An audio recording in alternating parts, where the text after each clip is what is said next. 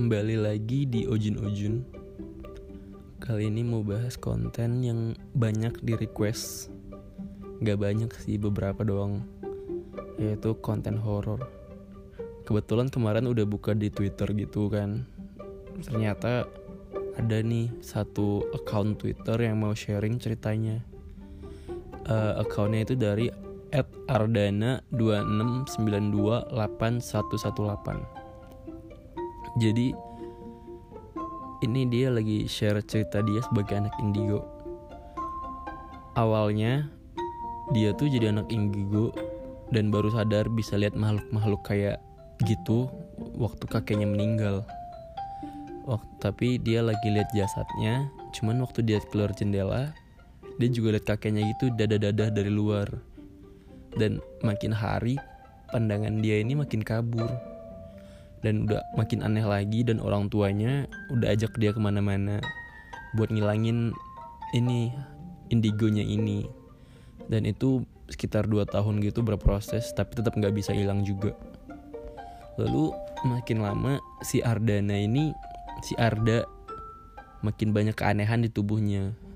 Jin-jin itu bakal jin-jin itu terus mendekat sama si Arda ini. Dan akhirnya si Arda bisa komunikasi dengan mereka dan anehnya lagi Arda mulai bisa melihat mulai bisa berkomunikasi melihat aura dari bayangan masa lalu ataupun yang akan terjadi di ke depannya.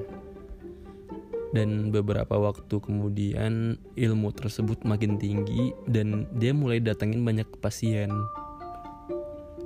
Dan dia nggak mau itu tetapi ada satu anggota keluarga yang sangat mendukung Arda melakukan ini yaitu pamannya dan dia menjadi anak indigo yang membantu pasien itu kurang lebih selama 2 tahun sampai dia lulus SMP lalu dia putusin buat berhenti buka praktek itu karena dia merasa masa kecilnya ini hilang. Lalu dia datang ke sebuah pesantren besar kawasan Jawa Barat untuk menghilangkan semua hal aneh itu. Setelah tiga kali si Arda terapi dan Arda nggak lihat yang aneh-aneh dia udah berpikir kalau itu udah siap udah kelar dan gak bakal balik lagi ke hidupnya. Dan hidup dia bakal normal tanpa melihat yang aneh-aneh. Dan itu berhasil selama satu setengah tahun. Setelah itu dia ada kegiatan sekolah yang mengharuskan camping. Sewaktu camping tiba-tiba dia melihat seorang wanita which is itu Kunti yang ngancem bakal masukin semua anak cewek di camping itu kalau si Arda ini nggak ngikutin wanita ini ke arah bawah yaitu ke kamar mandi. Semua itu Arda hirauin dan ternyata saat melaksanakan kembang api semua bener-bener kesurupan karena si Arda mungkin gak ngikutin wanita ini ke kamar mandi ya.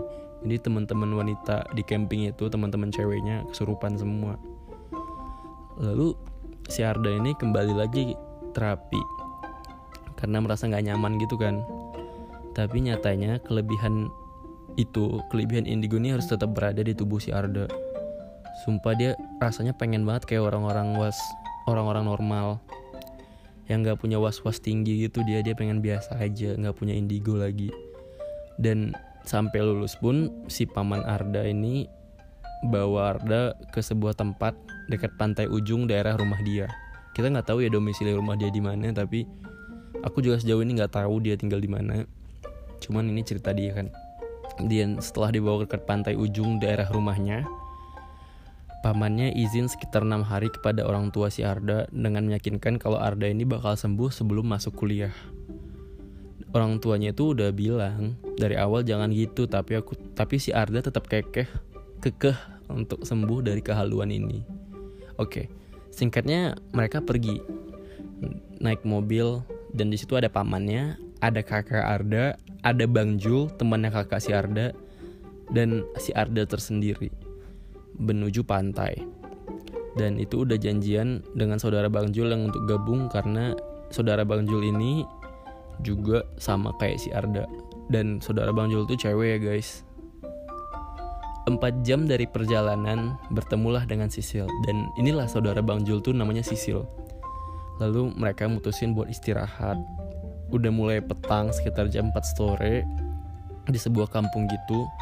Terus di Sisil, si Sisil itu saat istirahat selalu nanya ke Arda, lu lihat nggak? Setiap jalan si Sisil selalu nanya gitu dan ngomentari makhluk-makhluk aneh itu, kata Arda.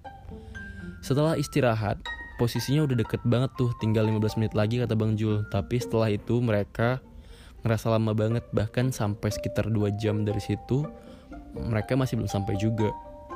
Lalu karena kesal dan lelah, si Arda nanya ke Sisil. Lu lihat kagak jalan yang ditutupin? Tanya Arda ke Sisil. Tapi aku kira, maksudnya tapi Arda kira Sisil ini tidur. Tapi saat itu juga tiba-tiba mata Sisil ini merah, mengeram sambil nunjuk kanan. Dan Arda mencoba berkomunikasi dengan dunia mereka. Dunia mereka tuh dunia lain ya maksudnya. Dan memutuskan bilang kepada paman untuk ikut insting si Arda saja. Oke, posisinya mereka udah masuk ke tempat itu. Dan Arda lihat Sisil udah kayak biasa aja, udah gak merah lagi matanya, udah gak menggeram lagi gitu. Tapi ada yang aneh juga, suasana desa itu dan Sisil akhirnya terus-terusan bertanya. Dan bilang gini ke Arda, ini desa banyak buayanya ya, kenapa ya? Buayanya di sini maksudnya buaya gaib gitu. Arda tuh udah terbiasa kalau ada orang ngebahas gitu dia juga kurang suka. Dia cuma ngikutin Sisil buat gak banyak bicara malam itu. Dan mereka tinggal di tempat temannya paman. Itu mungkin orang penting gitu sesepuh gitu. Karena rumahnya pun terlihat lebih nyaman daripada rumah yang lain di sekitar situ malam itu mereka dihidangkan makanan tapi yang Arda lihat di meja kaca dengan beberapa teman makan tetapi setiap space, setiap jengkalnya ada ular gitu, warna belang sekitar 5 ekor. Di meja makan tuh ada belar, belar. Ada ular warna belang sekitar 5 ekor. Dan untuk menghargai pemilik rumah, Paman Arda mengajak mereka menikmati hidangan itu. Tetapi dari awal, Arda udah males-males gitu karena banyaknya juga hidangan dari hasil laut dan kebetulan Arda alergi sama makanan dari laut.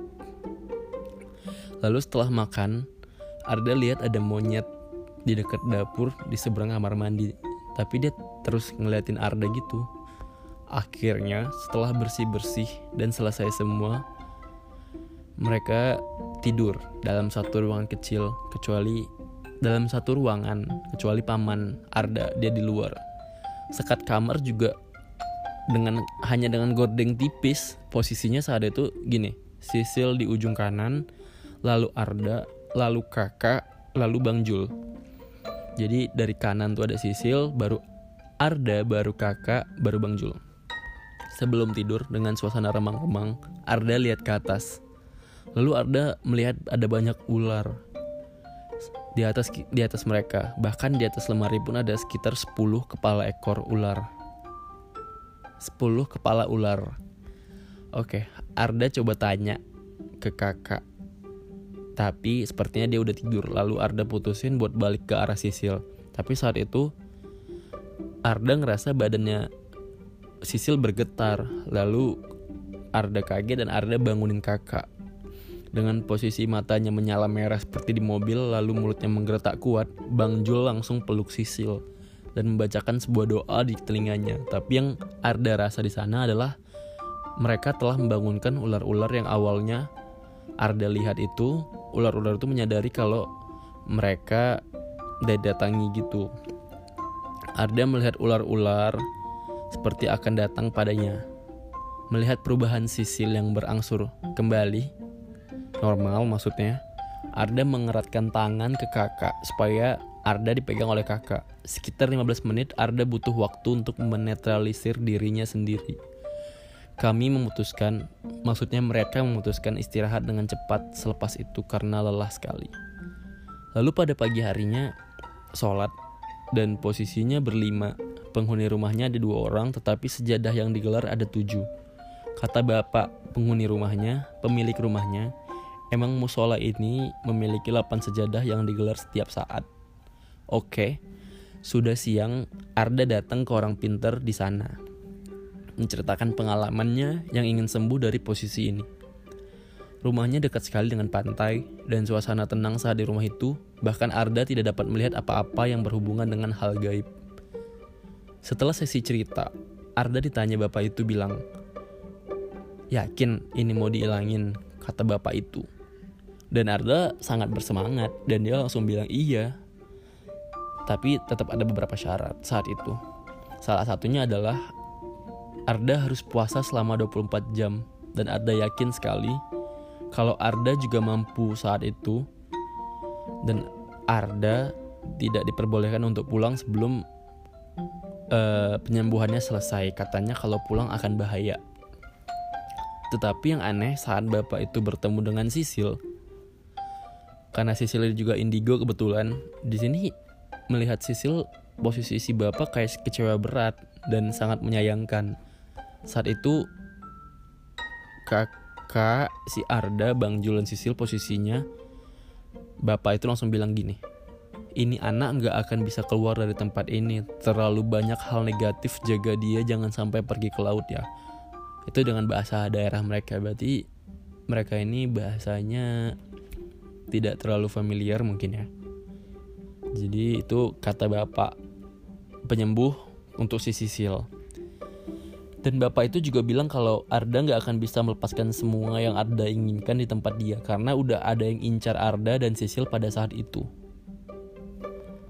Lalu Akhirnya Arda dan kakak mutusin buat keluar dari daerah itu karena yang Arda inginkan gak bisa terwujud juga. Tapi anehnya, di situ posisi paman selalu halangin Arda dan kakak untuk pulang. Kita udah bicarain dengan Bang Jul, bersedia buat nunggu si Sil sampai sembuh sore itu. Akhirnya kita mereka nggak jadi pulang dan kembali ke rumah bapak itu, bapak tempat mereka menginap.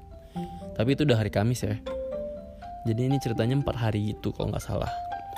Di depan pintu sekitar 5 meter dari situ udah siap kayak ada sesajen. Dan Arda lihat di sana banyak banget monyet yang mengerumuninya. Pokoknya lebih dari 10 deh. Nah, di atap rumah pun banyak monyet dan ular belang. Bahkan beberapa rumah di sana juga ada banyak monyet yang di atapnya hanya beberapa yang gak utuh. Arda cerita sama kakak kalau di sini ada yang gak bener dan saat itu kakak nggak percaya karena ya mungkin karena ini tempat baru gitu. Paman juga sibuk banget sama si bapak yang punya rumah katanya lagi bisnis. Dan aku sama kakak dan Bang Jul serta Sisil cuma kayak luntang lantung gitu doang. Bahkan Sisil beberapa kali kadang kemasukan yang aneh-aneh. Lalu malamnya setelah sholat dan makan, Arda ngerasa sesek banget dan Sisil tiba-tiba menggigil. Arda langsung bilang kakak, kalau kondisi Sisil tidak baik dan Bang Jul langsung pegang Sisil. Kit, mereka itu posisinya di tengah rumah yang menuju kamar udah deket. Kakaknya Arda dan Bang Jul benar-benar nahan buat Arda dan Sisil buat tenang di sana. Ya kalau Arda lihat sih Sisil ini udah hampir setengahnya kayak monyet. Lalu nggak mikir apa pun, Arda langsung manggil-manggil nama dia, nama si Sisil karena Arda pun makin sesek. Tapi lama-lama Sesek itu hilang saat Sisil kembali ke wujudnya dari mata Arda, dari sudut pandang Arda. Lalu di sana pemilik rumah dan paman Arda tuh bilang nya mau ke laut buat mancing dan istrinya tuh pergi buat pengajian rutinan di pendopo. Katanya jadi posisi Arda itu cuma berempat di rumah. Lalu setelah tenang, Sisil cerita. Sisil seolah ditarik-tarik sama monyet dan itu monyet itu dan nyobain buat ne neken neken badan dia. Terus yang aneh dari situ Sisi lihat kalau badan Arda tuh ditindih oleh makhluk tinggi besar banget dan hitam. Keanehan malam itu nggak sampai di situ. Ruangannya bau banget, bau bau menyan banget dinyalain. Dan ular yang bahkan Arda aja yang lihat itu bukan Arda aja yang lihat itu ada kakak dan Bang Jul juga yang ikut lihat. Dan di situ posisinya bener-bener terhimpit banget. Dan emang bener-bener seolah ketekan di ujung gitu. Sekitar jam sembilanan saat itu mereka udah di kamar sambil berdekatan gak sampai ngeluarin kata apa pun tapi tetap pegangan tangan. Tiba-tiba Sisil duduk lalu bilang pakai bahasa daerah mereka kalau diartikan kamu mangsaku, kamu targetku dan kalian semua ditumbal untukku. Ini kata Sisil yang lagi kemasukan. Pikiran Arda tuh bener-bener blank banget dan apa sih gitu ini tuh cobaan apa buat Arda kok sampai kayak gini banget lalu di situ kita bener-bener diem nggak tahu gimana bahkan kakak udah ajak aku Arda buat pulang sekarang juga tapi posisi udah malam dan gak mungkin setelah istri pemilik rumah datang, Bang Jul nyobain buat keluar kamar dan niat buat bicara tentang keanehan yang kita alamin, yang mereka alamin. Lalu menurut Bang Jul, dengan baik-baik menceritakan semuanya, tetapi si istrinya pemilik rumah itu malah balik marah sama dia dan bilang kalau kita tamu gak sopan dan gak tahu diri, kata Bang Jul. Bang Jul cerita ini nih Hil buat keluar dari tempat ini. Maksudnya sengaja cerita begini biar bisa keluar besok pagi dari tempat itu. Malam itu benar-benar udah kayak akhir nyawa Arda banget Di mana banyak suara aneh Lalu suara ular kayak mendesis di, di posisi mereka. Kakak Arda pun benar-benar udah nyobain jaga jaga si Arda sepenuh yang dia mampu. Malam itu mereka doa-doa dan lainnya dalam kamar dan hati masing-masing dan saat pagi datang udah azan posisinya bangun lalu sholat bergegas buat pulang. Tapi yang aneh setelah sholat Sisil badannya udah gak bisa gerak gitu kayak patung. Ada coba terapi manggil dia dan meditasi tapi gak ada hasil. Soalnya auranya udah terlalu gelap. Akhirnya Bang Jul coba buat angkat dia ke rumah orang bisa di sana. Boleh di oke. Okay. kayaknya ini udah mulai kepanjangan jadi kita buat part 2 nya di ntar ceritanya panjang banget soalnya.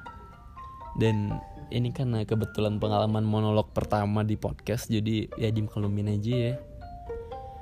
Kebetulan juga ini buat pert baru pertama kali banget ngomong sendirian dan ini ceritanya horor. Semoga ada horornya dan bisa ada pelajaran diambil ya. Makasih semuanya dengerin